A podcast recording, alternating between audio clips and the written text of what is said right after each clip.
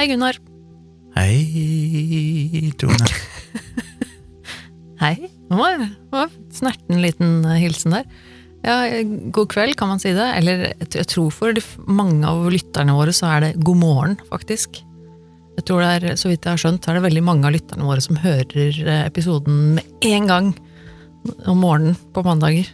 Ja, Eh, Det, det er jo litt eh, artig. Så god morgen eller god kveld eller hva som helst som, eh, som gjelder deg der ute. Velkommen til en ny episode av Virkelig grusomt. Vi forteller virkelig grusomme hendelser fra virkeligheten. den var ny. Ja, grusomme hendelser fra virkeligheten, da. Uh, og jeg vet ikke hva vi skal snakke om i dag. Jeg kan jo begynne med at vi har fått noen mailer. Ja, for i forrige uke så snakket vi om en sak som eh, Det var jo en, en, eh, en fyr i Japan som eh, gikk løs på mennesker med fysiske og psykiske utviklingshemninger eller uh, handikap og så videre. Og det er akkurat det vi har fått litt mail om, for at det er det med den ordbruken vi er litt usikre på. Uh, og, og så har ikke vi lyst til å si noe feil og støte noen, så vi, vi sa jo handikappet. Uh, Ja, for det sto jo i mange av tekstene jeg leste. Jeg ja, hadde lest når jeg researcha det. Uh, De fleste av dem var jo på engelsk, så der sto det gjerne handikapped og sånn, men så var jeg litt usikker på hva jeg skulle bruke, så snakket vi litt om det, og så fikk vi et par mailer, ei som heter Kristine, som jobber med, i en etat uh, som driver med driver med jobber med den brukergruppa, er vel rett ordet. ja, Hun sier at WHO, altså Verdens helseorganisasjon, de bruker betegnelsen mennesker med eller som har psykisk utviklingshemming. Og så bruker de det som en, ja, som en samla betegnelse for alle, da, som kan ha forskjellige grader. Det kan være lett, moderat og alvor, alvorlig. Autisme havner jo ikke under den kategorien, nei, men eh, som hun skriver, kan, ha, kan ofte ha en høy forekomst som tilleggsdiagnose hos personer med psykisk utviklingshemming. Ja. Men med fysiske hemninger, da? Funksjonshemmedes Fellesorganisasjon, de eh, sier at det er et bredt spekter med betegnelser. Det er egentlig mye av det innafor å bruke, alt etter hva Ja. den enkelte føler seg komfortabel med. De bruker blant annet funksjonsnedsettelse eller nedsatt funksjonsevne, Ja. men også funksjonshemming. ja, så man kan si det. Det er ikke feil å si det, liksom. Nei, jeg blir så usikker, for det, det høres så gammeldags ut. Funksjonshemmet. Funksjonshemmet. Ja, Det høres ut som det der men, men jeg tror det er fordi at det har ordet hemma, eller hemmet det, i seg, og det er sånn sånn herre. Ja, det vet man at det, det er sånn man brukte som sånn stygt slengord da man var Mm. liten til, for mennesker som hadde utviklingshemminger, og det er jo ikke greit. Men jeg tror det er bare derfor at det er en sånn liten sånn rød lampe i meg når jeg sier utviklingshemma. Men i utgangspunktet så tror jeg det er innafor å si utviklingshemmet. Så har fått mail fra ei som heter Kari. Hun skriver jeg har personlig ikke noe imot bruk av ordet multihandikappet eller funksjonshemmet. Det trigger meg på ingen måte.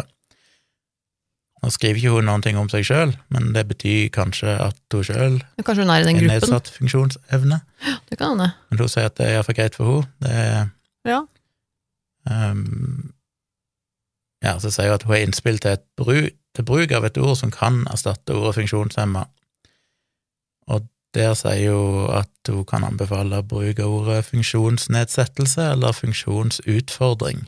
Ja. Men hun var ikke sikker på om det var så utbredt. Ja, okay, nettopp. Ja, Ja, for jeg har jo hørt uh, folk har brukt uh, altså funksjonsnedsettelse, holdt jeg på å si. Neds, nedsatt funksjonsemne og sånn. Uh, det, det høres jo på en måte penere ut, kanskje, men, men jeg føler det er liksom et ord jeg ofte ikke kommer på så lett. Vi har fått en annen mail fra ei som heter Eline, som bare ville Vi har snakka om noen saker der det var vært inkludert seksuelle overgrep mot barn, og så har vi vært litt innom den diskusjonen med pedofili og Ja, mm. jeg så den mailen. nødvendigvis er pedofil, selv om du forgriper deg på et barn, som du jo ikke er. Mm. Og hun peker på at eh, ifølge Store norske leksikon så skiller de jo mellom det å være pedofil og det å være pedoseksuell. Der pedoseksuell er generelt sett voksne som kan forgripe seg på barn, men det er ofte det handler om, sånn som vi har snakket om tidligere, at det barn gjerne er enkle ofre, og, og så kan det jo være noen som ikke nødvendigvis føler en seksuell tiltrekning, tiltrekning til barn, men de har likevel problemer med å ha sex med voksne på grunn av ja, de kanskje er veldig, syns jeg er skummelt. Forholde seg til andre voksne mennesker, og barn er liksom enklere å forholde seg til, Mm. uten at de nødvendigvis egentlig er seksuelt tiltrukket av de. Mm. Så det går an å skille sånn. Samtidig så har jeg jo sett det i mange sammenhenger, det er litt sånn omdiskutert. Det er noen som vil skille mellom å være eh, bifil og biseksuell. Og skille mellom det å kunne være romantisk tiltrukket av begge kjønn, eller bare liksom Bare seksuelt. Seksuelt. Ja, okay, at du kan sånn. være heterofil, men allikevel Ja. biseksuell, fordi du kan jo ha sex med ditt eget kjønn, men du kunne ikke hatt en romantisk forhold til eget kjønn. Så det er alle sånne begreper alltid litt føler, sånn. ja, Det er ikke noe som er veldig jeg føler at det er kanskje litt mindre viktig når Det er mindre viktig. det. Men derfor er jeg litt Eh. usikker om det er ja, om, Men, syns, men det er jo for så vidt greit, da, for det høres ut som at det, eh, Hva var det du sa for noe? Pedofil og pedoseksuell Pedoseksuell. Uh, og det er på en måte litt knyttet mot handlingen, da, egentlig. Jeg var bare litt usikker på hvor relevant det var å være pedoseksuell, fordi at Jeg tror heller ikke det var så relevant. hvis sånn du, er bi, men, hvis du bruker ordet biseksuell, så er du en voksen person som har samtykkende sex, da forhåpentligvis med en annen voksen person, og da er det noe du Du er liksom, du er tiltrukket seksuelt ja. av, av begge kjønn, men så er du pedoseksuell, så er det ikke nødvendigvis at du egentlig Da er jo hele poenget at du ikke nødvendigvis egentlig er seksuelt tiltrukket, for hvis du er det, så er du egentlig pedofil, men det er mer det at Ja. du ender opp med å ha sex med barn fordi ja, av ulike årsaker, fordi det er enklere og ja. Så derfor føles det litt feil òg ut å kalle det, altså gi det et navn. Egentlig så er det jo bare voksne mennesker som enten er homofile eller ja. heterofile eller et eller annet, som forgriper seg på barn. Så Ja, jeg syns også det var litt sånn rart, men, eh, men for jeg, jeg oppfattet det jo litt som at pedoseksuell, eller pedoseksualitet, da, da at det refererte til selve handlingen, og da egentlig overgrep, da, vil jeg tro. Ja. Eh, mens er du pedofil, så er det på en måte mer, en, mer snakk om den, altså en legning, en tiltrekning, som ikke nødvendigvis har noe med handlinger å gjøre.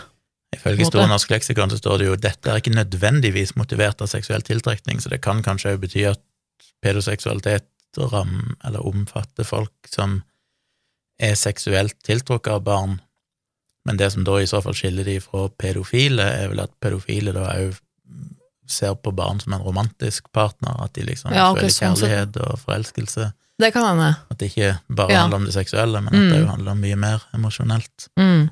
Mens en pedoseksuell ikke kunne blitt forelska i et barn, eller ønske å Mm. innlede et forhold med et barn, men allikevel kan være seksuelt tiltrukket. Ja. Så ja, en, en, for så vidt en grei påpekning, det. Mm. Eh, før vi begynner på dagens historie, så kjapt nevner vi ei Facebook-side som heter Virkelig grusomt podkast. Følg gjerne den. Og det er ganske mange som følger den. Jeg og kikker. Mhm. Jeg hadde ikke sett på følgertallet før, men det er jo faktisk en del. Eh, Så det er jo hyggelig. Og så har vi jo denne mailen, da, virkelig grusomt, at gmail.com, der dere er velkomne til å sende inn tips til historier eller feedback, sånn som vi nettopp har lest opp. Yep. Eh, Og vi tar jo gjerne imot feedback på pod podkastepisodene som vi poster inne på Facebook. Mm. Sida. Der poster jeg et, eh, som regel rett etter, eh, ja, på mandagen en gang. Så poster vi et, eh, et bilde, noen referansebilder til saken, og noen linker og sånn, som vanlig. Så for dere som har lyst til å grave dere litt mer ned i sakene, og sjekke ut uh, kilder og linker og sånne ting, så er det lurt å sjekke ut uh, Facebooken vår. I dag så skal jeg ta en historie som ikke er basert på et tips, men som jeg har hatt i notatene mine lenge, i lista mi over flyhistorier som jeg har lyst til å fortelle. Ja, kult. Og denne grunnen til at jeg vil snakke om denne, er fordi han er noenlunde um, ny. Det sier det skjedde for 13 år siden. Mhm. Det var norske ofre, som ikke er så vanlig i de her sakene. Nei. Og det blir sett på som en ganske sånn unik sak, i den forstand at på en måte så blir det litt sånn sammenligna med Titanic. Altså, det var et av de tryggeste, største flytypene som finnes, som bare plutselig forsvant. Mm. Og vi vet ikke Det ble riktignok funnet igjen til slutt, men eh, det, det var liksom helt uhørt at et fly bare falt ut av lufta på den måten. Så Folk det- skjønte ikke hvorfor og, og hvordan det kunne ha skjedd. Så siden du, du sier at det, det ble funnet igjen, så da, da skjønner jeg at det ikke er Malaysian Airways, eller hva det heter, 370, 370 eller hva det var, som forsvant. Ja. Nei, var derfor jeg måtte påpeke at eh, det ble funnet, så Ja. du skulle sitte og tenke at det var det. Ja, men jeg er spent om eh, hvilken, sak er dette, da? Hm.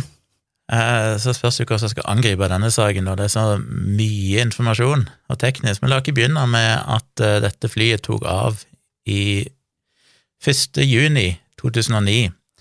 Det var et Airbus A330, som mange av dere sikkert har hørt om, et veldig, veldig svært fly. Blir ansett for å være, som sagt, ekstremt sikkert. For det er de der eh, kjempesvære som har sånn to etasjer og sånn, eller? Jeg tror, ja, jeg vet ikke om det er to etasjer, men det er iallfall stort. Ja, ok. Ifølge det bildet jeg ser på, så er det bare én rad med vinduer. Så Ok, ja. det, Men det er et stort etasje. passasjerfly, liksom? det er relativt Ja. stort passasjerfly. Mm. Og det, eh, dette flyet her var ifra Det heter jo da Hele navnet er jo Air France Flight 447. Det var Air France. Mm. Og jeg skulle flyge fra Rio de Janeiro i Brasil til Paris i Frankrike. Og det skjedde altså 1. juni 2009. Og jeg husker jo godt denne saken. Husker du han?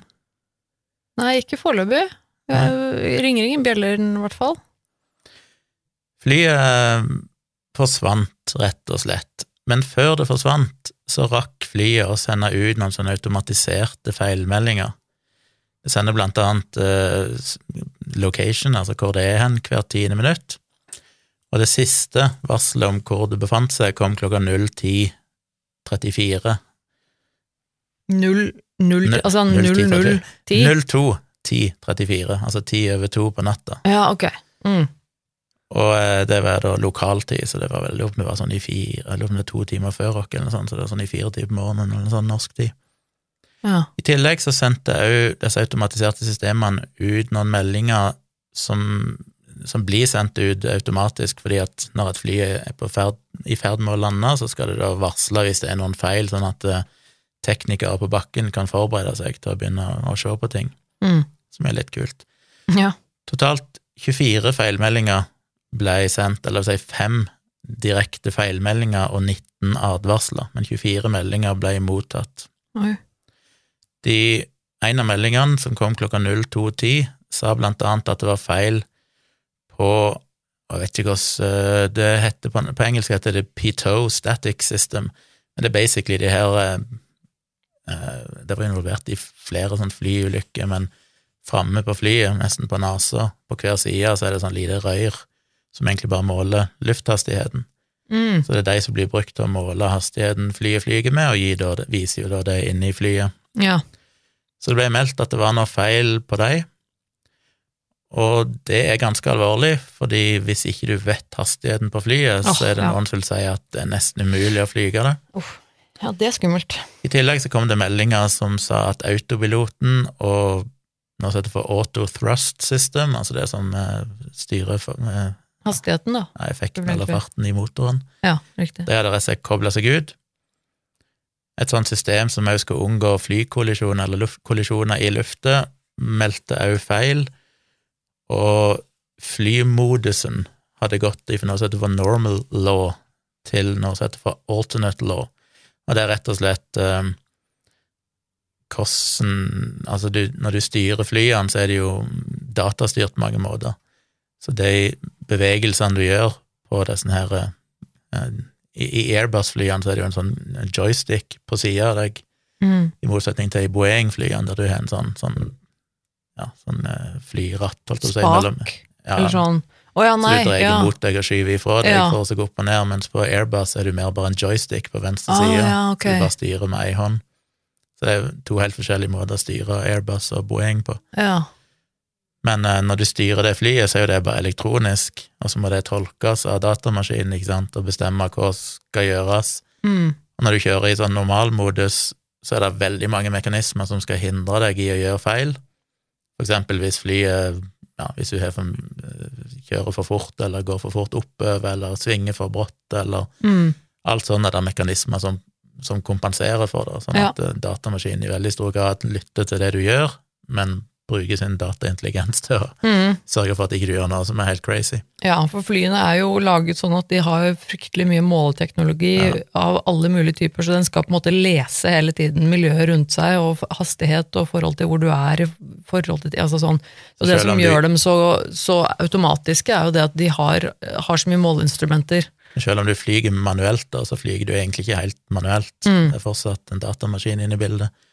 Så den hadde switcha fra den normalmodusen, som da vil ja, sjekke eller kontrollere mye av det du gjør, til den alternative modusen, og det finnes flere sånne moduser. Det er alternativ modus 1, alternativ modus 2, litt avhengig av hva som egentlig har skjedd på flyet. Mm. Men her har han switcha over til alternate law 2, tror jeg, som i praksis, da, etter det vi trenger å vite, i praksis betyr at han kobler ut alle sånne sikkerhetsmekanismer.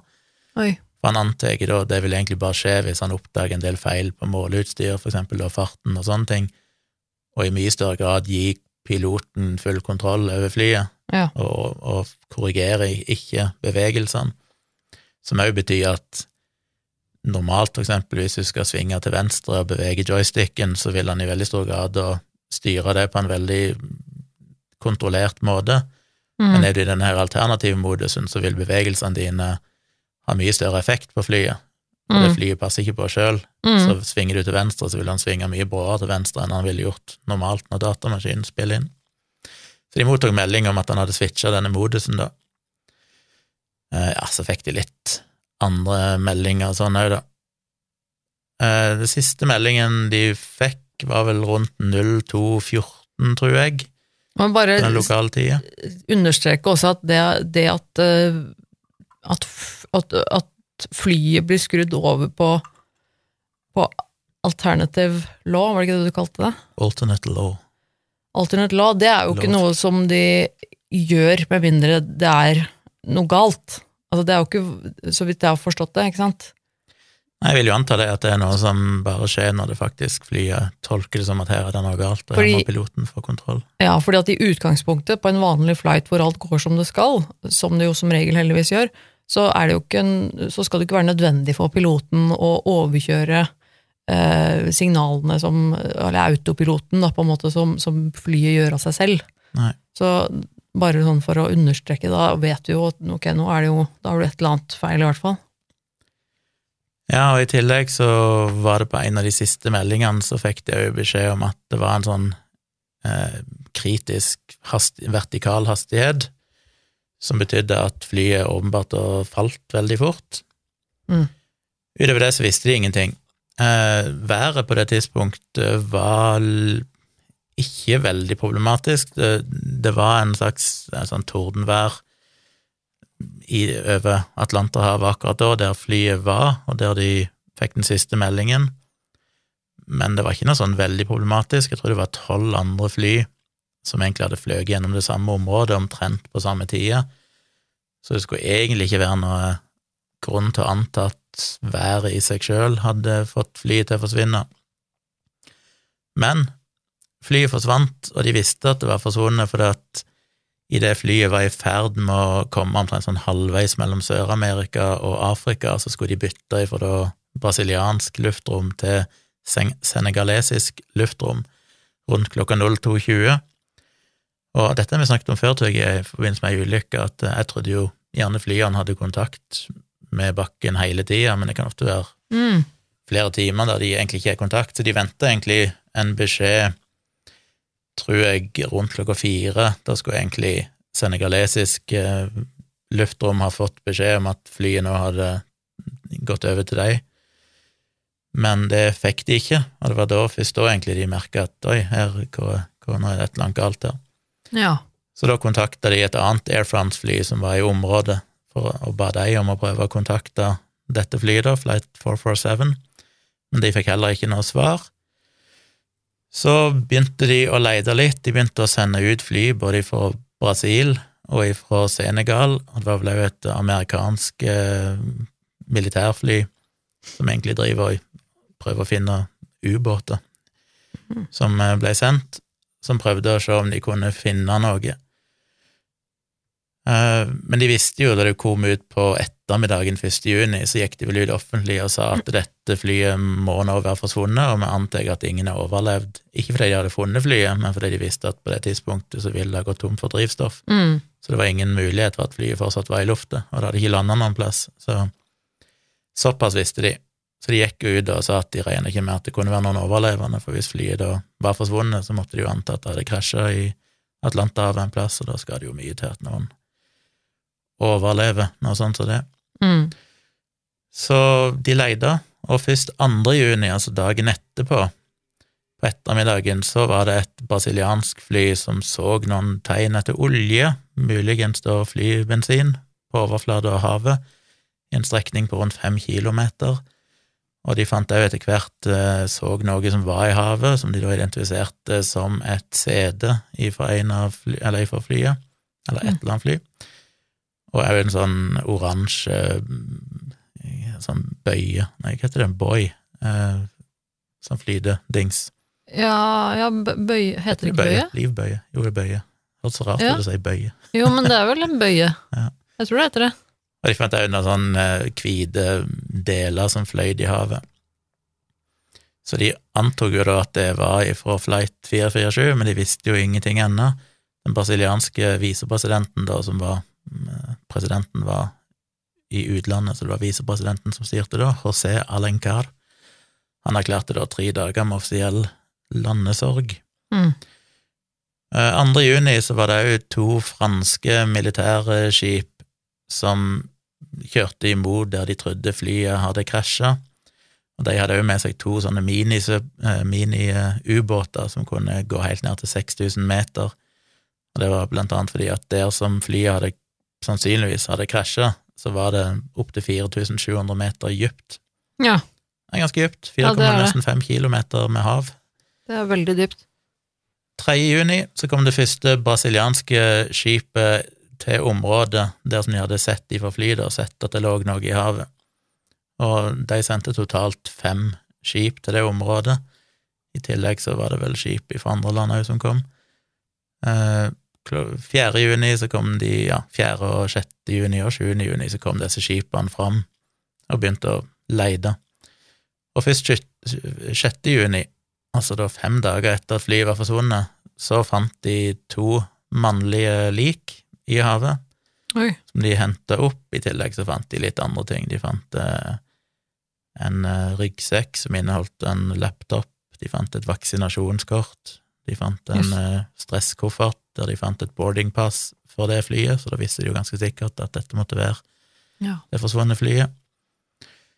Det ble jo hevda opprinnelig, da, og det så jeg òg når jeg googla dette, at det ble rapportert i norske aviser, i Nettavisen blant annet, at eh, likene som ble funnet, var nakne.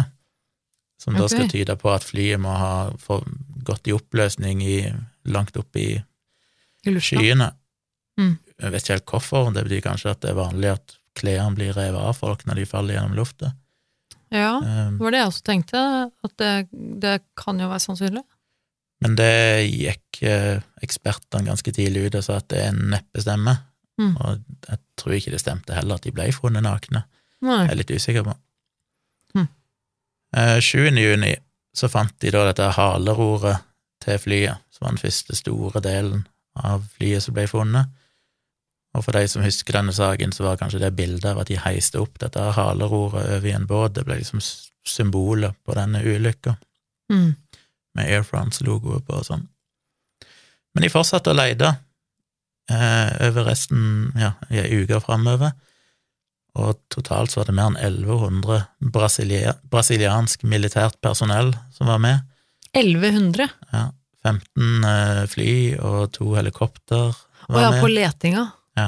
Herregud, jeg, jeg, sorry, jeg trodde du mente passasjerer. Jeg glemte tenkte- kanskje å si hvor mange passasjerer som faktisk var på flyet. Det var totalt eh, 228 passasjerer og crew Ja. på dette flyet. Så kort sagt så leide de mye. De hadde fly, de hadde båter ute, men det tok tid å finne ting. Det de selvfølgelig mest av alt var på jakt etter, det var jo denne her blackboxen Mm. som eh, spiller inn alle, ja, alle flydata, i tillegg til denne her voice recorderen da, som spiller inn det som blir sagt i cockpiten. Men de klarte ikke å finne det, som ikke er så rart. De regna vel egentlig ikke med å klare å finne det, for det er så ekstremt dypt, Ja. og det er veldig ulendt terreng, skal vi kalle det, ja, på altså kan man jo regne med at når, det, når dette flyet treffer havoverflaten, så vil det jo på en måte smelle ganske kraftig. Ja. Og det vil jo spre seg Det skal de jo tåle, da. Selve de boksene skal jo tåle det. Ja, ja, jeg mener generelt, altså delene til flyet, da, og når Ja. de da sprer seg ut i havet, så vil det jo da havne på et veldig stort geografisk område, kan man jo regne med, sånn i, i havet og på bånn, og det blir jo et enormt stort område å, å lete. Totalt sett så fløy jo disse flyene i flere hundre timer over området og skanna totalt 320 000 kvadratkilometer Mm. for å prøve å finne restene. 16. juni, altså litt over to uker etter ulykka, så hadde de klart å finne rundt 50 lik, som var spredt ganske på et stort område. De ble jo tatt inn til land og, og prøvd og identifisert av patologer. Mm. Um, et, ja, i 26. juni så hadde de totalt katalogisert 640 deler som de hadde funnet av dette flyet. Og da slapp de vel etter hvert òg en sånn De slapp flere sånne rapporter om ulykker som var midlertidige, før de til slutt slapp den siste, som jeg skal komme tilbake til. 5. juni, altså fem dager etter ulykka, så begynte en sånn eh, fransk eh, atomubåt å leide der nede. Og de sendt, hadde jo med seg eh, sånne send, eller sånne eh, skal kalle det, under, undervannsmikrofoner som skal lytte etter de signalene fra disse blackboxene, eller fra blackboxen og voice recorderen, Ja. for de sender ut et sånt slags pipesignal, en sånn ping jevnlig, sånn at det skal være mulig å finne dem. Så de leide, og de leide, og de leide, men det var ikke lett å finne de her. De regna jo med at de fant vel ut at flyet lå på rundt 3000 meter dybde, tre kilometer under havet, så de, de skjønte jo at dette var vanskelig, men det var et tilfelle tidligere, tilbake på 80-tallet, der de hadde klart å finne eh, en sånn black box og voice recorder fra et fly, South African Airways Flight 295, som hadde sunket helt til 4900 meter. Oi. Så det skulle teknisk sett være mulig. Da det kom til midten av juli, så hadde de fortsatt ikke funnet noe, og der begynte det å bli litt kritisk, for at egentlig så varer batteriene på disse bare i 30 dager. Så egentlig så varte de kanskje ut juni, før disse ping-lydene slutta å komme. Så da begynte de å bli vanskelig, men de sendte fortsatt med. De hadde flere, flere runder, da. De sendte ubåter ut og utstyr for å prøve å finne de her, da. Først når vi kom ut helt i 2010, så fortsatte de mellom 2. april og 24. mai, og da er vi jo nærmer vi oss jo et år etter ulykka, så var det fortsatt skip som var der ute og drev og leide, sammen med fortsatt fly som drev og fløy over området. Hm. Og eh, da de var ferdig med den tredje fasen, 24. mai, så hadde de fortsatt ikke funnet noe. Og da hadde de jo leid over et enormt stort område. Det er jo helt utrolig at det har holdt på så lenge. Men så, i uh, juli 2010, så ble det hyret inn et sånn amerikansk selskap som heter Metron Incorporated, som brukte en litt annen statistisk metode for å prøve å beregne hvor kunne de her greiene være, basert på det de visste, det de hadde fått det siste For de visste jo ikke akkurat hvor flyet var krasja hen. Nei. De visste jo hvor de hadde mottatt det siste um, location-signalet, og de visste jo hvor vrakrestene var funnet, men de fant jo ja, dagen etterpå, sånn, det har jo beveget seg litt på den tida pga. havstrømmer og sånn. Ja.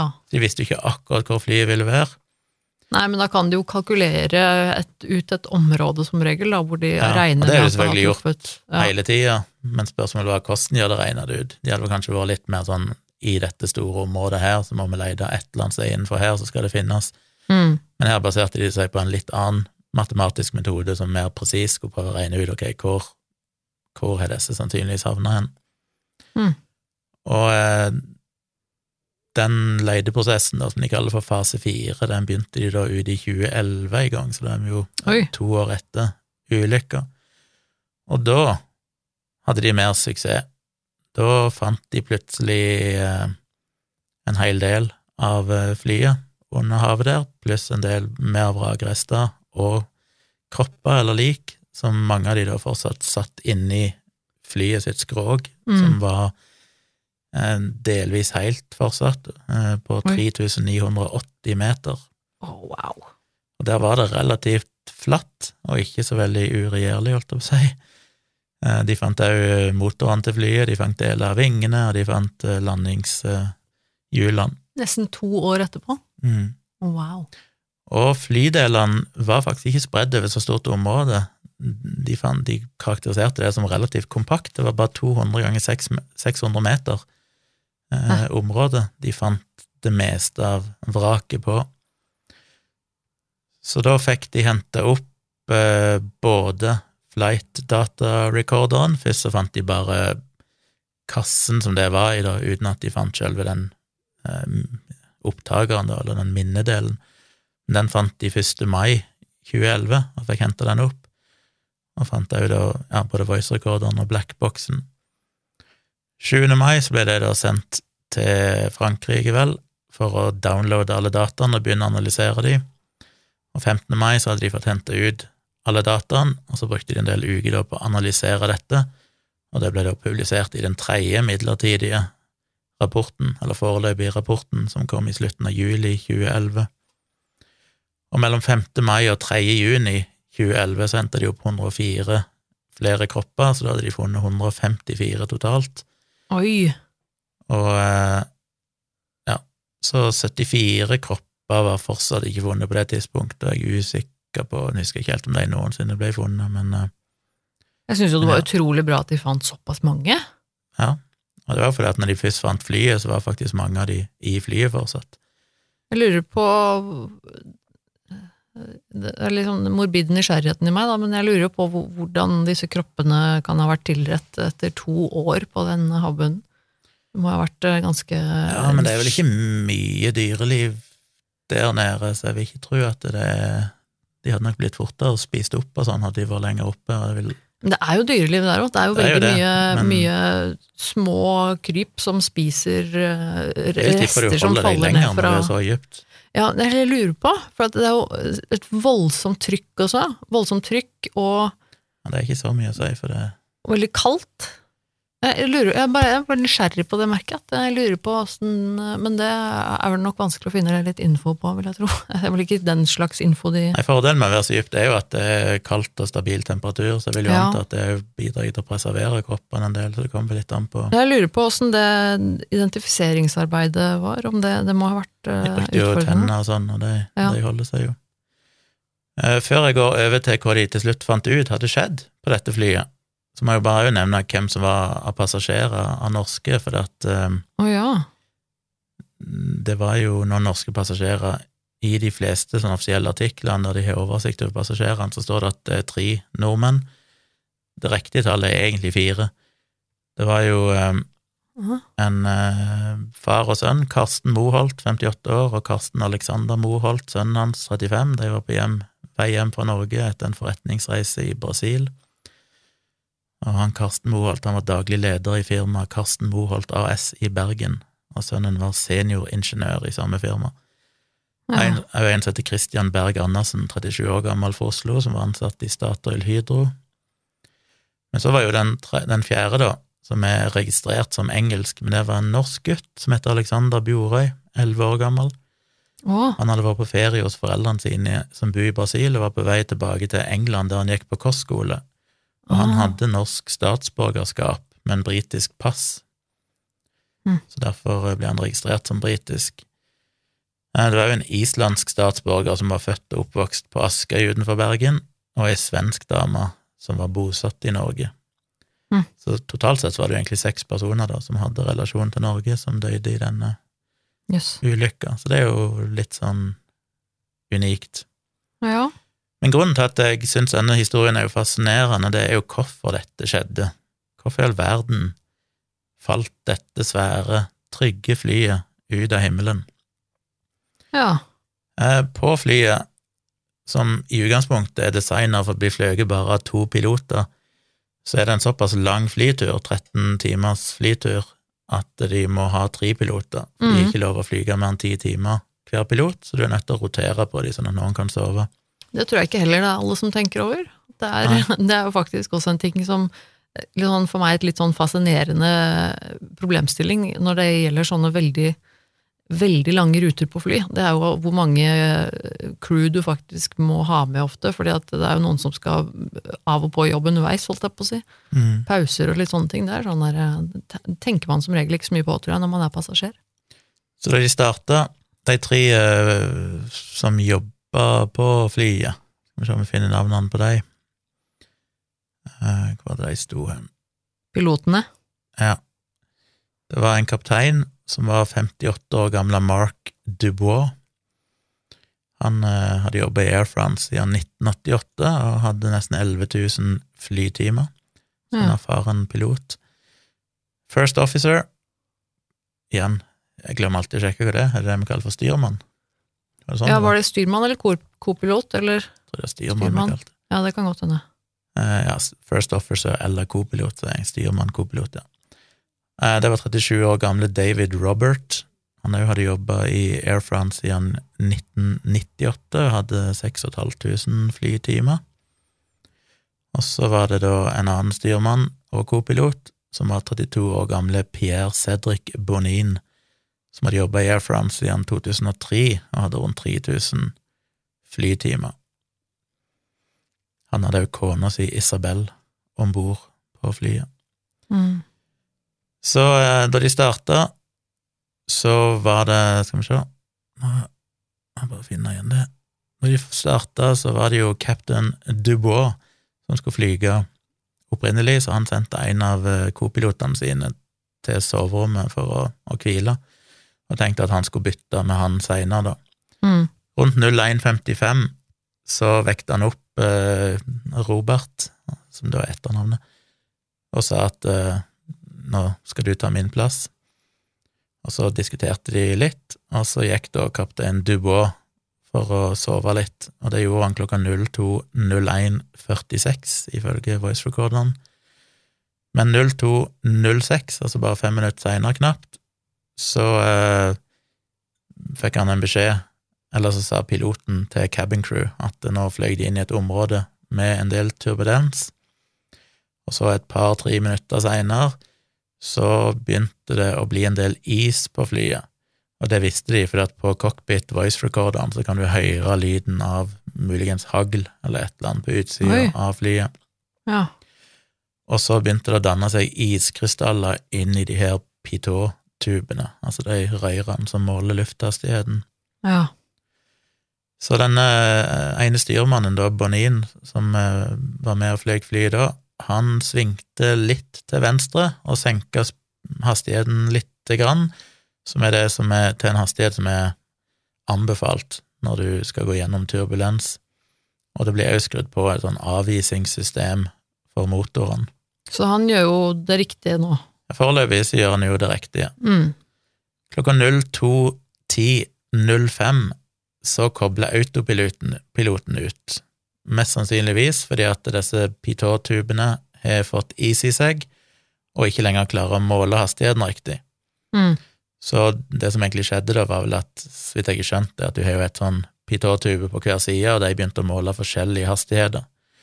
Og når datamaskinen får konflikterende informasjon, så kobler han ut autopiloten og sier ok, jeg gir opp. Ja, nå, nå er jeg avhengig av at uh, du er piloten, du må, du må ta over. Mm. Og da switcher jeg òg eh, styringssystemet da fra denne normalmodusen til denne alternativ modus 2. Mm. Så ble òg dette auto, auto-trust-systemet kobla ut ifra motoren. Så Bonin han tok da manuell kontroll over flyet og sa ut høyt I have the controls. Men uh, uten autopiloten så fikk denne turbulensen flyet til å rulle litt mot høyre, og det var derfor han da korrigerte med å svinge litt mot venstre. Men ett problem var jo at flyet da hadde skifta fra normalmodus til alternativmodus, så når han skulle da vri flyet litt mot venstre, så overkompenserte han, fordi det var en større reaksjon Mm. enn det han egentlig var forventa. Så flyet svingte mer venstre enn det han Ja. sikkert hadde forventet, da.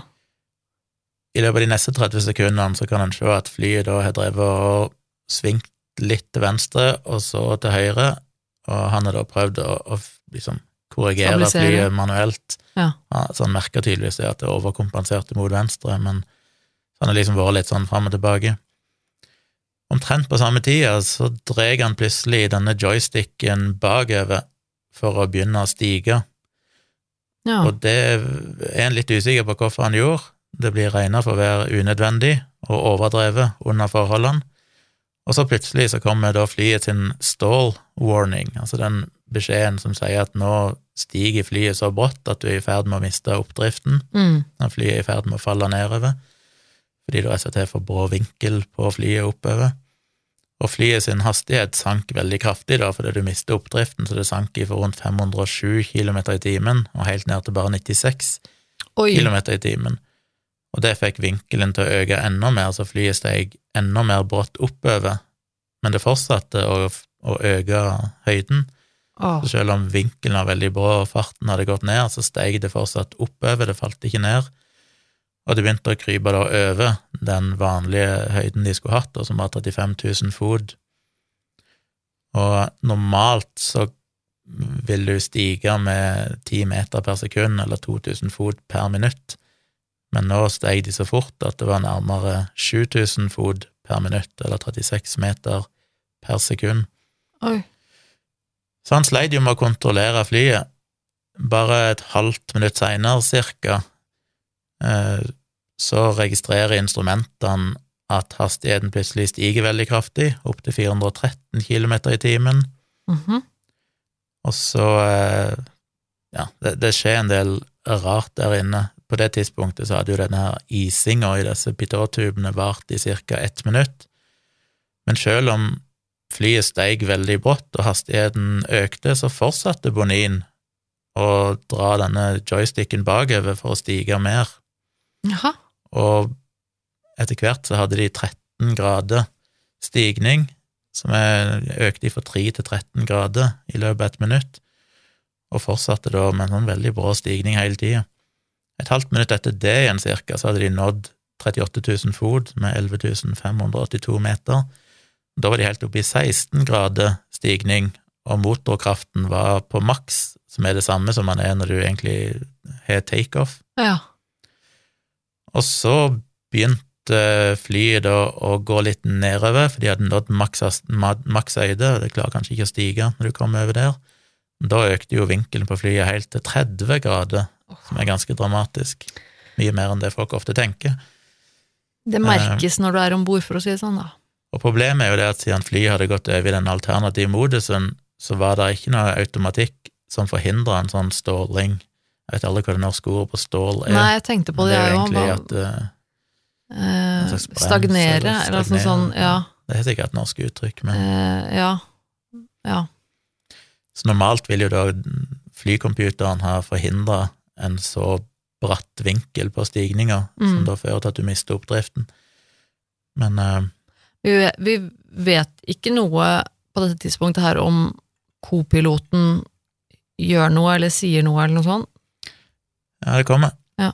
Uh, Bonin ble jo forvirra, og han kan høres på oppdager og si I don't have control of the airplane anymore now. For dette her skjer jo ganske fort. Dette var i løpet av ett minutt, var det du sa? Og to sekunder seinere så sier han I don't have control of the airplane at all. Ja. Og da sier Robert uh, 'controls to the left', og så tok han over kontrollen av flyet. Kopiloten. Han husker ikke hvem som var hvem lenger. Robert var vel hovedpilot? Nei, det var han ikke, han var vel en av kopilotene, ja. Eh, Så det han gjorde, var at han tar joysticken på si side og skyver den fram for å prøve å senke nesa på flyet, Mm. og da komme seg ut av denne her stålsituasjonen. Men Bonin, han satt fortsatt og drog joysticken sin bakover. Ja. Og de to motstridende beskjedene, de kansellerte hverandre ut, Ja. og det kom da en advarsel som skal bety dual input, en sånn warning-lyd. Eh, Cirka et halvt minutt senere, da 02.11,40, så kommer kaptein Dubois inn igjen i cockpiten etter å ha blitt hentet av eh, Rob Robert. Og når han kommer inn, så hører han jo masse alarmer som går av, og spør eh, what are you doing? Og da var de helt oppe i 40 grader stigning, eller vinkel. Mm. Og flyet hadde da sunket ned til 35 000 fot, for nå hadde de jo begynt å miste oppdriften helt. Motorene kjørte jo på 100 men det hjalp ikke så mye det når de hadde så kraftig vinkel at det er ikke noen oppdrift under vingene. Eh, Og på det tidspunktet så stoppa jo disse beskjedene om at de ståla, og grunnen til det er at eh, datamaskinen anser eh, vinkelen som så høy at han bare antar at her er det noe galt, så han Ja. bare slutter å advare. ja, såpass, ja. Så selv om nesa fortsatt pekte oppover, er det ganske bratt vinkel oppover, så fortsatte de nå å synke og falle nedover, for de hadde mista oppdriften. Rundt 20 sekunder seinere så senker Bonin hastigheten, og, nei, ikke hastigheten, men eh, vinkelen bitte grann, og når da vinkelen ble mindre, så tar datamaskinen eh, og sier at å ja, nå ser det ut til at jeg kan stole på dataen igjen, og så begynner han å gi en sånn stall warning. Ja, ikke sant. Å nei. Og det, sånn var det helt til alt gikk galt. Denne stall warninga kom av og på. Åh, Og problemet med det er at det var jo veldig kontraintuitivt. Husk Ja. på at de var midt inn i en storm her, så de så jo ikke horisonten, så Ja. de kunne ikke sjøl vite hvilken vinkel de hadde. og det er det som også er Men det de opplevde, var jo at hvis de drog håndtaket bak, sånn at nesa gikk oppover, så forsvant stålwarningen. Mm, Men det var ikke fordi at de da hadde riktig vinkel, det var fordi at da tenkte bare datamaskinen at nå er det så crazy at nå gidder jeg ikke å advare mer. Med en gang de senka altså, som var det riktige å gjøre, så kom jo stålwarningen på igjen, for da kobla datamaskinen inn, og da tenkte de oi, vi må opp igjen, for vi ståler jo. Så de ble nok veldig forvirra av akkurat det. mm, Eh, Og i hele perioden, da, ifra det tidspunktet og helt til de krasja, så var fly, hadde flyet hele tida en vinkel som aldri gikk under 35 grader stigning, og motoren kjørte hele tida på 100 bortsett fra et par tilfeller der de halverte hastigheten på motoren, men så skrudde de den opp igjen. Mm. Robert uh, sier da til Dubois uh, We've lost all control of the airplane. We don't understand anything. We've tried everything. Og så kan du høre at Robert sier til seg sjøl climb, climb, mm. fire ganger i sånn desperasjon. Og så hører Bonin at han sier det, og sier da But I've been at maximum nose up for a while. Og da skjønner captain Dubois at oi, shit, det er jo Bonin som gjør at vi ståler, for han sitter jo og holder håndtaket bak, som ikke han visste, så han hadde jo hele tiden prøvd å korrigere flyet. Mm. Men Bonin satt jo bare og holdt denne staga. Så da roper han ut plutselig No, no, no, don't climb! No, no, no! Og på det tidspunktet, når Robert hørte det, så sa han til Bonin ok, gi meg kontroll over flyet. Og da eh, ga Boninan kontroll, kontrollen til flyet, til Robert, som da begynte å dyttes bak og framover for å prøve å komme ut av denne stormen, for da skjønte de jo hva som egentlig var galt. Mm. Men på det tidspunktet så var de altfor lågt til å klare å komme seg ut av denne stålen, Mm. og veldig kort tid etter det så hører du denne her eh, Ground Proximity Warning System, Mm. som jeg jo har hørt i mange sånne flyvideoer. Pull up, Ja. pull up, Terrain. pull up. Terrain. Ja, terrain, pull up. Ja. Åh, det Det er så creepy. Ja. uh, og da kan du høre Bonin Eller først, så uten at han sier noe til sine kollegaer, så drar han spaker helt bak igjen, eller joysticken helt bak, i en sånn desperat forsøk på å stige. Mm. Og så sier han et eller annet banneord som er sensurert, og så sier han 'We're going to crash. This can't be true. But what's happening?' Og det siste du kan høre på cockpit voice recorderen, er at Dubois sier 'ten degrees pitch attitude'. Og så slutter de å recorde noen ting 02, 14, 28, som er tre timer og 45 minutter etter takeoff. Da de krasja, så ble jo dataen målt at de hadde en eh, hastighet på 198 km i timen, Mm. men at det sank med ca. 200 km i timen. Så jeg hadde en vertikal hastighet på 200 km i timen, som er temmelig drøyt. ja, det er det, altså. Eh, og i hele perioden mens de sank, som varte i 3 minutter og 30 sekunder, så ståla de hele tida. De hadde hele tida vinkelen oppover. Mm. Så selve krasjhastigheten, hvis du kombinerer den vertikale hastigheten med den uh, horisontale, så er den regna til 282 km i timen, da, som de traff uh, flyoverflata på, så en kan jo anta at alle på flyet døde umiddelbart Mm. ifra ja, extreme trauma, og flyet gikk jo i oppløsning. Kan jo bare håpe det, at de døde med en gang. Så det tok jo litt tid før de fant dette flyet. Det var jo først to år etterpå at de da til slutt fant cockpit voice recorderen, så det er klart, i de to årene De visste jo at flyet forsvant 1. juni 2009, men de visste ikke hva som hadde skjedd før eh, godt ut i 2011, bortsett fra de der automatiske signalene som var sendt til Air France rett før flyet forsvant, som gjorde at de skjønte at noe var galt. Men de starta jo større prosesser da med å gå gjennom passasjerlisten og se om det var noen kjente terrorister, mm. noen som kunne ha tilknytning til noe terrorisme. Eh, prøvde å finne ut om det kunne ha vært en eksplosjon på flyet, alt mulig sånn. Men så fort de fikk opp de første vrakdelene, så konstaterte de ganske tidlig da at her er det ikke noe tegn på at det har vært noen eksplosjon eller noen Nei. ting. Det ble jo starta en del rettssaker både mot eh, Air France og mot eh, Airbus, som aldri har leda fram til noen ting. De har blitt gjennomtatt så sent som i 2021, så jeg tror det pågår noen nye sivile søksmål og sånn nå. Men det ble aldri blitt dømt for noen ting, verken Air France eller Airbus. Men er det endret på, den stålwarningen som bare ja, kutter ut? Ja, så er det jo vært mye som er skjedd i ettertid, selv om det har vært litt sånn Altså, det Air France fikk kritikk for, er jo at uh, de her Pitot-tubene Når de begynte å granske etter den ulykka, så begynte de å se gjennom rapporter, så fant de at å ja, det har jo faktisk vært en del andre rapporter om det samme. Oh, ja. Mellom mai 2008 og mars 2009 så fant de at det hadde vært ni andre tilfeller i sånne Air Safety Reports ifra den samme flåta med fly, da Air France sine A330 og A340-fly, ja. som alle hadde skjedd i omtrent samme høyde, mellom 31 000 fot og 38 000 fot. Og så fant de senere seks andre tilfeller som var registrert i noe sånn en av mer sånn teknisk dokumentasjon i flyene som ikke hadde blitt rapportert inn som feil, men som bare mer var til teknikeren, da, ifra pilotene, hvis jeg skjønte det. Og de hadde funnet meldinger helt ifra 2007. Eh, da dette flyet her ble laga i 1994, når denne modellen først kom, Airbus 330, så hadde det én type sånne pitot-tuber fra en produsent som heter Goodrich Sensors, eller eh, Var det ikke to forskjellige? Nei, det var for Goodrich. Men så ble det seinere erstatta med et annet produsent som heter Thales. Det er masse detaljer her, så jeg trenger ikke gå inn i det, men poenget var at de fant etter hvert at de Pitot-tubene fra Thales, som da var i bruk på disse Air France-flyene, ikke var så gode, de kunne av og til ise over, mm. så de begynte å bytte de ut, og det starta de med i eh, 29. mai 2009, og Nei. dette flyet som krasja, det skulle få pitotubene sine bytta ut idet det kom til Frankrike Åh. på den flyturen.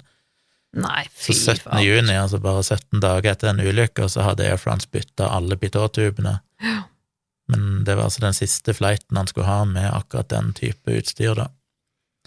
Og så litt etterpå så endte de opp med å bytte ut alle disse pitotubene igjen med Goodrich sine istedenfor Thales. Mm. Etter de første hadde bytta de ut én gang, så bytta de alle på nytt til en helt annen produsent. Og det har de jo fått kritikk for, for de mente at dette hadde Air France visst om lenge, men de var kanskje litt seine med å gjøre dette, selv om de var jo i ferd med å gjøre det når den ulykka skjedde, så jeg vet ikke helt. Mm. Kanskje vanskelig å, å ta de på akkurat det. Ja. Så det kom jo mange rapporter, og det var litt sånn delt hvor du skulle legge skylda hen. Var dette teknisk feil på flyet, eller var det pilotfeil, var det menneskelige feil? Og I ja. den tredje foreløpige rapporten som kom 29. juli 2011, da sa de blant annet at uh, pilotene hadde ikke fulgt vanlige rutiner når du fikk varsling om at det var upålitelige fartsdata for disse her pitotubene. Mm. Uh, og som en side note så fikk vel Air France kritikk for det seinere, at selv om de visste at det hadde vært noen tilfeller der disse pitotubene ikke virka skikkelig, så hadde de ikke aktivt gått inn og gitt pilotene informasjon om hvordan de skulle forholde seg til Nei, det. Ikke sant. Men allikevel så finnes det jo generelt sett opplæring i det, sånn, ja. som de da tydeligvis ikke hadde fulgt. Men da kan det jo hende at hvis de hadde blitt gjort oppmerksom på det, ja. så hadde de likevel kanskje gjort noe annet. Og det vi har diskutert, er jo det at disse varslingene sier bare hva som er galt, men de sier ingenting om hvorfor det er galt. Nei. Og det er det jo diskusjoner om seinere, at kanskje hvis disse varslingene hadde sagt at nå er den ene pitåtuben, eller iallfall at nå er det feil på inputen på speeden på venstre side, for eksempel, eller noe sånt, så hadde det vært lettere for pilotene å vite hvordan de skulle forholde seg til det. Ja. Men det de visste, var bare at det var upålitelig data, og autopiloten kobla ut. Mm. Uh, ja. Men det er jo likevel eh, selvfølgelig, eh, så, sånn som jeg forsto det nå, det er vel likevel kritikkverdig, eller i hvert fall kan man kan lure på hva, hva Hvorfor han gjorde som han gjorde da, i den situasjonen, hvorfor han prøvde å, å, eh, å heve flyet. Altså hvorfor han Ja, og det er mer i den rapporten. Eh, De sier jo da at denne, den piloten som da fløy flyet på det tidspunktet, som vel var han der Dubois, var det ikke det? Han eh, trakk bak denne joysticken, som da økte vinkelen på flyet, og fikk flyet til å gå veldig fort oppover. De merka, pilotene merka ikke at flyet hadde nådd maks eh, høyde. De leste heller ikke ut de dataene som var, for eksempel eh, vertikal hastighet og høyden og sånne ting, som de kanskje burde ha lest ut høyt underveis for å Ja. holde alle informert. For det er jo en sånn, ganske mye sånn protokoll man skal følge, Mm. og sjekklister og sånne ting når man Ja. Denne stall-warningen, den løyd i 54 sekunder sammenhengende, men det var ingen av pilotene som kommenterte det, Nei. og ingen av de så ut til å være klar over at flyet ståla, for de fortsatte jo å flyge oppover. Selv om advarselen, denne alarmen, gikk i 54 sekunder, så var det ingen av de som kommenterte det på noe tidspunkt, eller sa liksom at vi ståler, eller vi må fikse dette. Mm. Det ble jo registrert noe som kalles for buffeting på engelsk, som jeg ser er en slags vibrasjoner i flyskroget på grunn av denne stålinga. Ehm, og så påpeker de da at dette problemet med at når vinkelen blir for høy, så slutter denne stålwarningen, men han skrur seg på igjen når vinkelen blir låg nok, selv om han fortsatt ståler, Mm. at det da kan ha ført til forvirring, mest sannsynlig, fordi da endte opp med egentlig å bevege joysticken helt motsatt av det de burde, Ja. fordi de mistolka de signalene. Eh, og så sier de jo at pilotene, selv om de visste at de var i ferd med å synke fort etter hvert, så visste de ikke helt hvorfor noen instrumenter de skulle stole på, Nei. fordi at eh, de fikk såpass mye, det var så mye alarmer som gikk i cockpiten samtidig, og det var så mye denne stall-warningen, og, og at de ikke hadde noen lufthastighetsmålinger og sånn, at de visste ikke helt hva kan vi egentlig stole på her. Ja, det er jo forståelig. Så de var nok ganske så forvirra generelt sett. Mm. I den endelige rapporten som kom 5. juli 2012, så konkluderer de på en måte med hva som var årsaken, og da sier de at hovedårsaken var jo da at det var midlertidig inkonsistens mellom disse fartsmålerne, mest sannsynlig fordi at den ene var fylt av iskrystaller, Mm. som gjorde at autopiloten kobla ut, og at flymodus ble flyttet over da i denne her alternative modusen. Videre at da pilotene endte opp med å gjøre bevegelser med flyet som destabiliserte flyet, altså det med at de da prøvde å flyge oppover, selv om de ikke burde gjort det. De fulgte ikke vanlige prosedyrer som de burde ha gjort når du mister, eller når du mister oversikten over flyhastigheten. Mm. De var veldig treige med å identifisere og korrigere det at de hadde avveket ganske kraftig fra den faktiske flyruta. Da de krasja, så tror jeg de hadde snudd 180 grader. De var basically i ferd med å flyge motsatt vei av det de opprinnelig starta med. Såpass, ja. De så ikke ut til å ha oversikt over hvordan de skulle forholde seg til denne stall-warningen, Mm. og de identifiserte egentlig ikke heller at de ståla, og gjorde Nei. heller ingen manøvrer som skulle korrigere for dette. Men uh, på et tidspunkt så prøvde jo i hvert fall den ene, han kopiloten prøvde jo å Ja, Etter de krasher så skjønte Men det var- at eh, Ja, for det var vel for seint, det, da. Og det er jo det som er, først begynte å det er, jo det som er så tragisk med denne saken, Mm. at egentlig så hadde ingenting gått galt, hadde det ikke vært for at han ene kopiloten satt og holdt joysticken bakover for å stige i nesten tre minutter. mm. Jeg husker den saken her nå, når du fortalte hva som skjedde, så husker jeg jo den saken her, og den er jo En kan nok i stor grad si at, selv om det har vært diskusjoner, hvor mye det er selvfølgelig vanskelig å klandre pilotene, for det var en uoversiktlig situasjon, og det Ja. påpekte at enkelte av alarmene som gikk, kanskje overdøve andre alarmer, sånn at de rett og slett ikke fikk med seg alle alarmene Ja. som gikk samtidig, og sånn, men allikevel så er det jo Også, Det har skrevet en del artikler i ettertid da, som i stor grad har lagt skylda på han, og egentlig sagt at han var årsaken til dette, det at han bare satt og holdt den spaken bakover hele tida. Men det var jo han som hadde minst erfaring, var det ikke det? Det Det var han ikke mer ferskeste av dem. Ja, Eller mulig jeg husker feil, men uansett så er det jo på en måte det kan jo hende at, at det kanskje var hovedårsaken til at det gikk så galt, men likevel så, så kan man jo på en måte forstå i en sånn situasjon hvor utrolig eh, stressende og forvirrende det kan være. Jeg tenker jo, han, han hadde jo sikkert panikk, og det er jo ikke alltid at man eh, at man gjør de mest rasjonelle tingene når man, når man er i panikkmodus. Kanskje han reagerte på det på en sånn måte at han tenkte at øyeblikkelig at ok, men vi må opp ut av denne Ja. stormen. Og så ble den, den bevegelsen hans, at han holdt den spaken, den, den, at den på en måte ble litt glemt i hodet hans, at han ble bare sittende der. Jeg tenker at, at og, Det er jo påpekt i en av rapportene at en sånn sjokktilstand, eller jeg vet ikke hva de kalte det, en sånn eh, Jeg vet ikke hva du skal oversette det til, men en slags sånn sjokktilstand, eller og, eh, At han blir overveldet, da. Ja, at de ble så overraska over det som skjedde, at det svekka deres evne til å Ja. forholde seg til dette. Samtidig så skal jo selvfølgelig piloter være veldig godt trent nettopp i de situasjonene. For og vi har snakka om mange flyulykker tidligere der det er overraskende hvor Ja. kaldt de holder hodet sitt, uansett hvor dramatisk det er. Sånn 'oi, ei vinge datt av', omtrent, og så er det bare sånn 'ja, vi tar en liten Det går bra, vi lander om tid, Ja, ikke sant.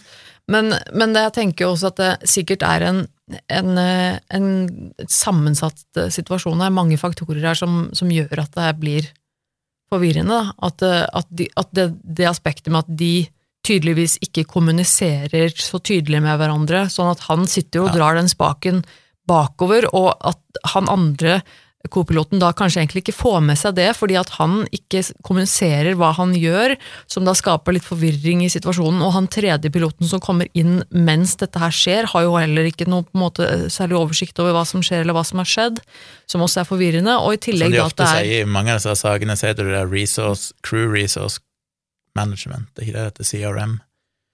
Dette med at når du er i en sånn situasjon, så må de som jobber i flyet, fordele ansvar og kommunisere tydelig med hverandre. og hvem som skal sånn. gjøre hva og sånn. Og Mhm. der svikta de visst òg, for det virker jo som det var ingen som helst visste hva den andre gjorde. Nei, Men en av årsakene til det som blir trukket fram seinere, fra en, eh, en artikkel iallfall, der det var en journalist som gikk inn og beskrev dette her som jeg nevnte tidligere, med at Boeing og Airbus er veldig forskjellige styringssystemer, og at på Boeing-fly så er det mer, mye mer visuelt. Hadde det mm. vært et Boeing-fly, så ville nok pilotene ha sett at han ene satt og drog rattet bakover, altså hadde en stigning. ja, for da sitter du med den foran deg, Ja, liksom, så da Og du må det vært fysisk bevege den et godt Ja. stykke, mens på de Airbusene der du bare sitter og egentlig bare bruker håndledd omtrent for å sånn holde en joystick ja. bakover. mm. Og den er vel elektronisk, òg, så vidt jeg skjønner, så det er ikke sånn at Det var eh, kanskje ikke så tydelig for, for de andre eller ja, for for er ikke andre å få at seg. du holder Nei, joysticken langt bakover, men det er mer bare at du trykker den bak, som sier gi beskjed, liksom, Ja, bak. at det var en veldig diskré bevegelse, på en måte. Så det var ingen som kunne se det visuelt, at han gjorde det. Og så lenge ikke han kommuniserte det til de andre, så var det heller ingen andre som visste at han hele tida holdt joysticken bakover. Mm. fikk flyet til å stige og stige og stige helt til det mista oppdriften. Og så er det jo det- også det med, at, eh, det med at det var dårlig vær og dårlig sikt, og det også tror jeg er en sånn ting som, som man fort undervurderer altså hvor, hvor forvirra og, og sånn, hvor vanskelig det er å orientere seg i en sånn situasjon. Når Ja. du ikke har visuell oversikt over hvor Det var jo dette på natta, så de hadde vel og veldig høyt. De hadde vel, ja, og, ja, Kanskje hvis de hadde sett stjerner, så kan det være uansett. Ja, kanskje. Men for vanligvis er jo vi vant til å orientere oss med synet. ikke sant? Du kan se bakken, du Mm. kan se himmelen, du ser horisonten og sånn, men når du ikke har oversikt over det i det hele tatt, så er det plutselig veldig vanskelig å orientere seg hvis ikke du kan stole på de instrumentene. Så det må jo være forferdelig forvirrende. Og så er captain Dubois, kan du høre på cockpit voice recorderen, så sier han i en kommentar i løpet av flighten at uh, han bare hadde sovet en time. Mm. Så det har jo vært spekulasjoner om egentlig pilotene var uthvilte nok, men de har prøvd å granske dette og finne ut hva de gjorde mens de var De hadde vel tre netter i Rio de Janeiro, men de har ikke funnet noe, nok informasjon om hva de egentlig gjorde mens de var der, til at de kan ha noen oversikt over om de fikk nok søvn mens de var på bakken Mm. før de skulle opp i flyet. Så det er jo er jo vært spekulert i. Eh, Men de har jo utelukka været, sånn, selv om det gjør ting mer komplisert, så skal ikke Mm. været i seg sjøl være noe problem. Nei, det skal jo ikke det, men jeg tenker jo at det sikkert var en, en faktor som, eh, som eh, bidro til forvirringen, og, og som gjorde at det ble bare litt vanskeligere for dem å takle situasjonen, da. Så det var egentlig alt. Vi legger jo ved noen artikler som dere kan lese hvis dere vil. Og sikkert skal se om jeg finner en video, det finnes mange videoer om dette. Som jeg vet jeg kan prøve å Ja. lenke til. Ja. Men jeg syns iallfall den Jeg husker den saken var Den var først forferdelig å høre om når det skjedde, fordi vi fikk høre at det var norske passasjerer og så videre, og det gjør jo Mm. alt litt mer sånn personlig på en måte. Men jeg hadde glemt vekk at det gikk egentlig to år før de fant ut hva som hadde skjedd. Ja. Jeg kan, Eh, Sånn jeg kunne huske det, så fant en ut det ganske fort, men det gjorde han tydeligvis ikke. Det gikk et par år. Og så husker jeg at det som også prega meg, var vel at jeg las en lang artikkel om det for noen år siden. Jeg skal se om jeg kan finne igjen i en eller annen eh, New York Times eller en eller annen plass, som også beskrev liksom alt som hadde skjedd, og Mm. da satt jeg òg igjen med det inntrykket at fuck, det var jo co-piloten som satt og holdt den joysticken hele tida. mm, Altså en så totalt unødvendig feil. mm, Og det er litt, igjen da, som alltid sier, det er mye som skal gå galt samtidig. mm, Fordi hadde ikke dette, dette bitårøret frosset over, sånn at uh, autopiloten kobla ut, og han gikk over i alternativ mode, som da fjerna stålkontrollen Stålkontrollen? Stålbeskyttelsen, som gjorde at flyet ikke kunne ha ståler, men det ble jo da kobla ut. Det var så mange ting som skjedde som gjorde at fordi han holdt joysticken bak, så gikk det galt. Normalt så skal jo ikke det kunne gjøre noe galt, fordi at flyet vil korrigere seg sjøl mm, men jeg hadde jo alle sikkerhetsmekanismene koblet ut. Det var mye galt som skjedde på en gang, som det alltid er, men allikevel så føles det jo Det skal jo ekstremt mye til å få et sånt fly til å krasje, det har jo basically aldri skjedd før og etterpå, så vidt jeg vet. Jeg regner som et ekstremt sikkert fly, men eh, jeg vil nok Konklusjonen er vel, selv om det var tekniske feil involvert, så var det jo til Kunne slutt det en menneskelig feil, altså. Ja, for, for det kunne jo vært uh, unngått. Ja, hadde pilotene hadde- oppført seg mer korrekt, Mm. Så kan nok i stor grad skylde på deg. Dessverre. Som eh, alltid så går jo mine tanker da til eh, også de passasjerene, hvordan, hvordan det må Hvordan det er på en måte et sånn marerittscenario, det der, altså. Hvordan eh, Ja, det er umulig å vite hva de visste, men det er klart Men for dette, du kan, jeg tenker jo at du, du kan jo ikke Du kan jo ikke ikke merke dette når det skjer, på en måte. Nei, med den du stigninga, du må jo- 30-40 grader stigning og turbulens Ja, og, og så fort som det flyet da etter hvert går mot, mot bakken, holdt jeg på å si, mot havet. Ja, Når du synker så fort, så letter du vel nesten i stolen. Altså, det må jo ha vært så fryktinngytende for de passasjerene som satt på vil jo tenke at mange av de sov når det starta, og forhåpentligvis så sov mange av de tungt. Ja, vi må Men håpe de fikk jo beskjed over høyttaleranlegget, tror jeg. Crewet fikk iallfall beskjed om at de gikk inn i turbulensen. Vet ikke helt om det ble varsla videre til passasjerene. Mm. Men Jo, eh, jeg vil jo kanskje tro det. det var jo bare lett turbulens, så det er ikke sikkert Ja, de ja, gjør det så lenge mm. det er natt og sånn, og folk sover, så er jeg ikke sikker de vil si noe. Jeg vet ikke helt hva rutinene er, men, Nei. men ja, heldigvis gikk det jo relativt fort, litt over tre minutter ifra det starta til det slutta. Selv om det sikkert er veldig lange minutter når det skjer. Men jeg vet ikke om noen passasjerer merker at det gikk jo ganske god tid før de til slutt begynte å synke. I først gikk de jo bare oppover. Eh, Men denne vinkelen, jeg vet ikke, vanskelig å si. Heldigvis var det jo en momentan død, da, i det minste, når det første gikk galt. Så det var en, eh, for så vidt en lang historie, men går det an å rate den på en uh, grusomhetsskala? Jeg vet ikke hvor grusom den egentlig er. Det er jo ganske grusomt. Det er jo 228 personer som blir drept, men eh, Ja. eh, og jeg, det er jo eh, det, Jeg tror jo det å dø i en flystyrt er jo mange menneskers verste mareritt. Ja. Det tror jeg er Uff.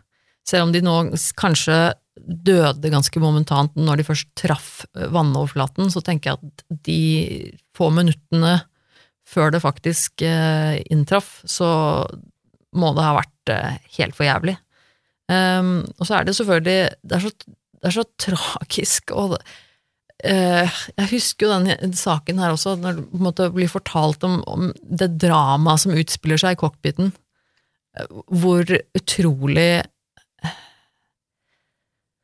Åh, nei, det, det høres Det er altså så uh, eh, vondt å høre på, på en måte, den, denne situasjonen der de, mellom de tre pilotene, og, og hvordan, hvor, grusomt det må ha vært for dem. Og det, I hvert fall også når du har så mye eh, holdt jeg på å si, info om, om, hva de sier. Den kommunikasjonen mellom dem mot slutten når de er på vei ned, hvor du da hører de snakker sammen om liksom, at nå, herregud, nå går det gærent, og du, du, han, han ene som sitter her og, og, og liksom ber for seg selv bare opp, opp, opp, ikke sant. Og, og liksom skikkelig Bare sånn, ok, nå Hæ, er dette mulig? Gå, går vi ned nå, liksom? Eh, og så smeller de i havoverflaten rett Det er bare så nådeløst. Det er virkelig sånn Jeg synes det husker jeg satt igjen i meg da jeg leste den artikkelen om dette, det er når han sier We're going to crash, this can't be true. Ja. Det er, this can't be true. Ja. Det er sånn For du, du tenker jo alltid at ja, det kan skje ting, men du klarer jo alltid å korrigere det, det vil alltid gå greit. Men når det plutselig går opp for deg at nå går det jo faktisk ikke greit, Nei. nå kommer vi faktisk til å krasje, Ja, Det må være helt this can't be true, det er sånn shit. Det får deg til å gå kaldt nedover ryggen på meg, altså. Um, nå husker jeg ikke hvor, uh, hvordan vi har uh, rangert de andre flysakene og litt sånne ting som vi har hatt i podkasten. Vi har hatt eh, noen andre historier også om, om flyhavarihendelser, men um, jeg sy- syns jo dette her er eh, ganske grusomt. Det er jo ganske mange mennesker, tross alt, som bare brutalt mister livet sitt uh, uten noe god grunn, holdt jeg på å si. Uh, så Ja, jeg synes det er det er, det er jo ikke snakk om sånn eh, tortur og, og langvarig sånne, sånne type ting er det jo ikke snakk om her, så det er jo klart at vi har jo sånn sett hørt om mer fæle ting, men nei, jeg, jeg tenker liksom syv. Ja, jeg skal gå litt lavere, bare fordi at, eh, som sagt, det er ikke tortur og langvarig lidelse inne i bildet. Selvfølgelig er det jo et av de største dødstallene vi har snakket om i noen episoder. Ja, det er mange folk, altså. Men jeg, la meg gi det seks, da.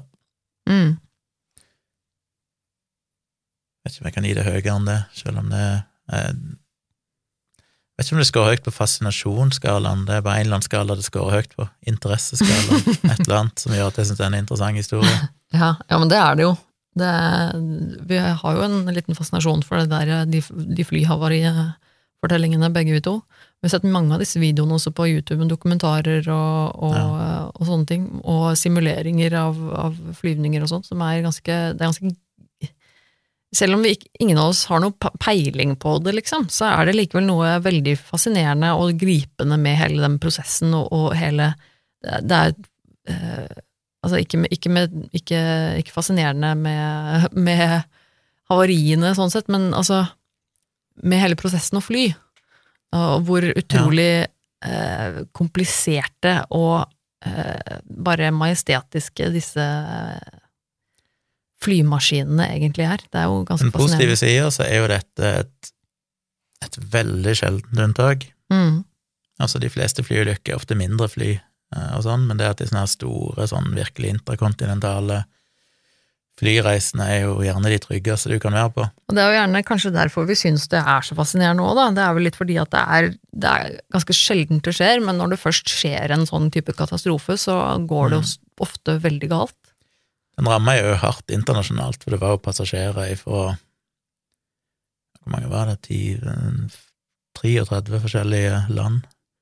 Mm. Egentlig hele verden. Sverige, Sveits, Russland, Belgia, Argentina, Estland, Frankrike, Gabon, Irland, Italia, Libanon, Marokko. Det var liksom hele Både Mm. Asia Det var vel amerikanere òg var det ikke det? Jo, det var noen amerikanere. Alle kontinentene var liksom ramma av passasjerer på dette flyet. Mm. Og det er heller ikke så ofte. Ofte så er det jo ganske sånn jevnt fordelt. Det var flest brasilianere og nest flest eh, Nei, flest franskmenn, 61. Nei, 72 franskmenn, 59 brasilianere, 26 tyskere. Ellers var det spredd over mange forskjellige land, men ofte så er det jo innenlandsfly som gjerne har ett lands passasjerer, altså en og annen turist eller noe sånt. Mm. Men her var det jo veldig spredt, og så var det jo noen kjente folk på flyet som ikke jeg egentlig hørte om, men du hadde blant annet prins Pedro Louis of Orleans Braganza, Oh, ok. third in succession to the abolished throne of Brazil and grandnephew of Grand Duke Jean of Luxembourg. Hm.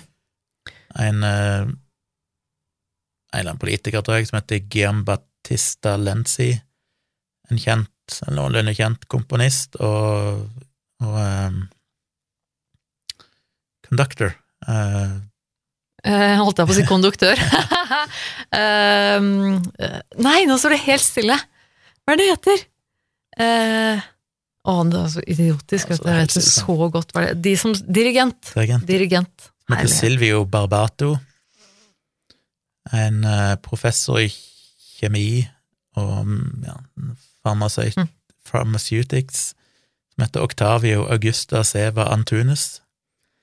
En eh, tyrkisk klassisk harpist og akademiker som heter Fatma Seren Nezipoglu, som hadde nettopp vært i eh, Brasil og spilt på den fjerde Rio Harpefestivalen.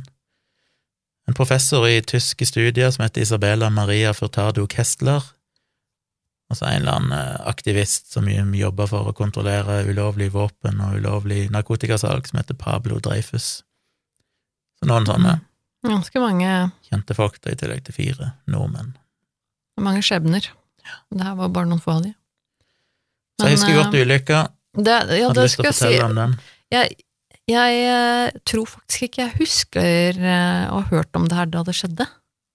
Det overrasker meg jo litt, men Ja. eh, jeg, jeg kan ikke jeg, Det kan jo hende at jeg gjorde det, men at jeg ikke husker det bare. Men eh, Nei, sånn større ulykke i seinere tid, så er det jo vært de der eh, eh, De der Max-flyene. Ja, Det er Boeing, det er det ikke? jo. 737 Max. Som i stor grad er en sånn Ja. datamaskin-software-feil. Og så har det vært eh, ja, det flyet som forsvant. Og så har det vært eh, var dette flyet nå som krasja ut forbi det kinesiske flyet nå nylig. ja. Men uh, det er ganske lenge mellom hver gang sånne store fly går ned, og de andre har Nei, jeg har ikke hørt konklusjonen på det kinesiske flyet ennå, om det kom fram hva som skjedde der. For det er jo falt jo basically bare rett ned ifra himmelen, så det har jeg skjønt. Men ellers er jo dette litt sånn unikt, rett og slett bare fordi at det gikk så lang tid før han i det hele tatt klarte å finne ut hva som hadde skjedd, og at det da Mm. til syvende og sist i stor grad er en menneskelig feil, som jo er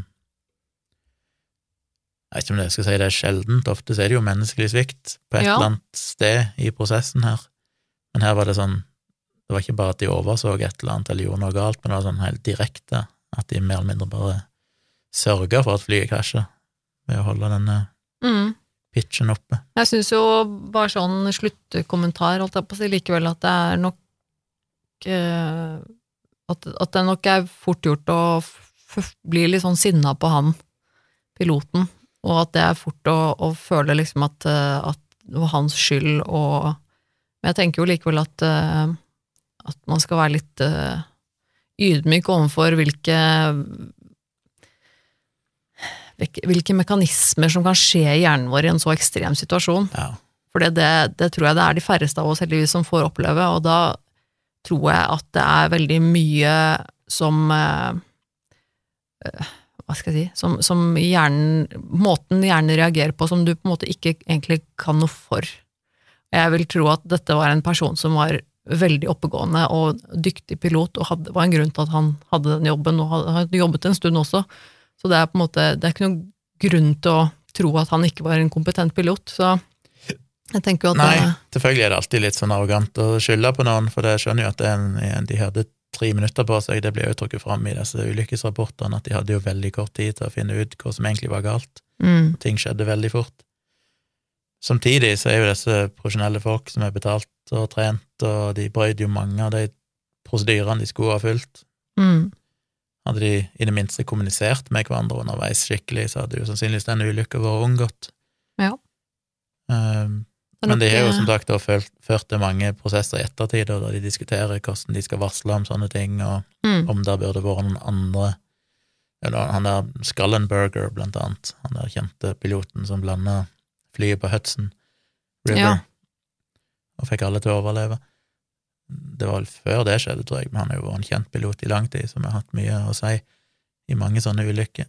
Og han òg gikk ut og sa at de burde ha en sånn visuell indikator som viste hvor kraftig sti, eh, flyet steig, sånn at de kunne ha sett det, at flyet pitcha veldig høyt oppover. Ja. Eh, For det er det visstnok ikke. Jeg trodde det var en sånn horisontindikator, i det minste. Som viste hvor horisonten det, altså. var. Men, Men jeg vet ikke om det kanskje ikke er på de flyene, eller om han mener noe annet enn det. Han mener en sånn angle of attack. Mm. Som, eh, men det var det andre som mente at de, de hadde allerede såpass mange instrumenter de kunne ha sett på, som ville ha fortalt de hva som var i ferd med å skje, som tydeligvis ikke hjalp de, så det hadde neppe hjulpet de med enda et instrument. nei. Så det er jo en sånn mysterium, da, hvorfor de hadde Det var vel mer det at de hadde masse informasjon, men de, det er jo det som ofte skjer i disse ulykkene, det er at hvis et eller annet slutter å virke, så har pilotene ofte en tendens til å tenke Jeg så nettopp en video med ei annen ulykke som skjedde på 80-tallet, der noe av det samme skjedde, der det var ett instrument, jeg husker ikke hva det var lenger, som slutta å virke.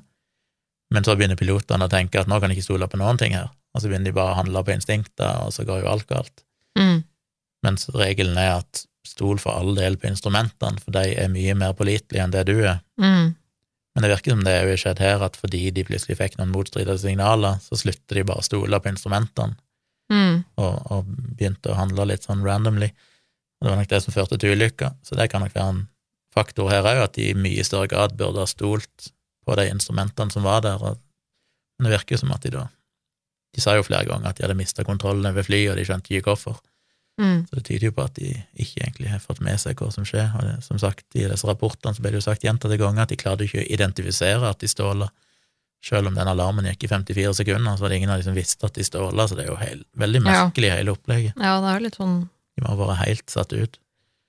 Vi vil gjerne høre hva dere der ute tenker om eh, grusomhetsskalaen eh, og så videre når det gjelder denne saken. Vi eh, skal, så fort vi har mulighet, ta oss og poste en post på Facebook-siden vår med litt referansebilder og linker for de som har lyst til å eh, kanskje se en liten dokumentarsnutt, eh, eller lese litt artikler, eller hva det skulle være vi linker til der. Eh, og gå gjerne inn og kommenter på den posten vår på Facebook, hvor den havner på din uh, og du, om kanskje du hadde hørt om denne saken, og om du husker det når det skjedde. Det er jo også litt interessant. Vi er alltid spent på å høre tilbakemeldinger. Jeg har ikke funnet noen artikler som sier noe om de endte opp med å finne likene til de norske passasjerene, det vet jeg faktisk ikke. Nei. Om de en gang fikk en eh, begravelse. Men hvis noen vet det, så skriv gjerne om det. Mm. Det var vel alt. Det ble en lang episode, men takk for at dere holdt ut og har hørt så langt. Og så må jeg tenke neste uke. Jo, vi er tilbake igjen. Skal ha en liten reise neste uke, men vi er tilbake igjen og klarer vel å få lagd en episode neste uke òg. Skulle tro det. Selv om det er da da begynner jo påsken, så det blir en påskeepisode. Får se om vi finner en påskesak. Ja. ja. Men vi skal nå prøve å få til noe selv om det er påske. Det var i hvert fall tanken. Ja. Så da får vi bare logge av her. Yes. Så, så takker vi, vi for eh, selskapet, dere. Mm. Og så mhm. høres vi igjen om en uke. Ja. Ha det.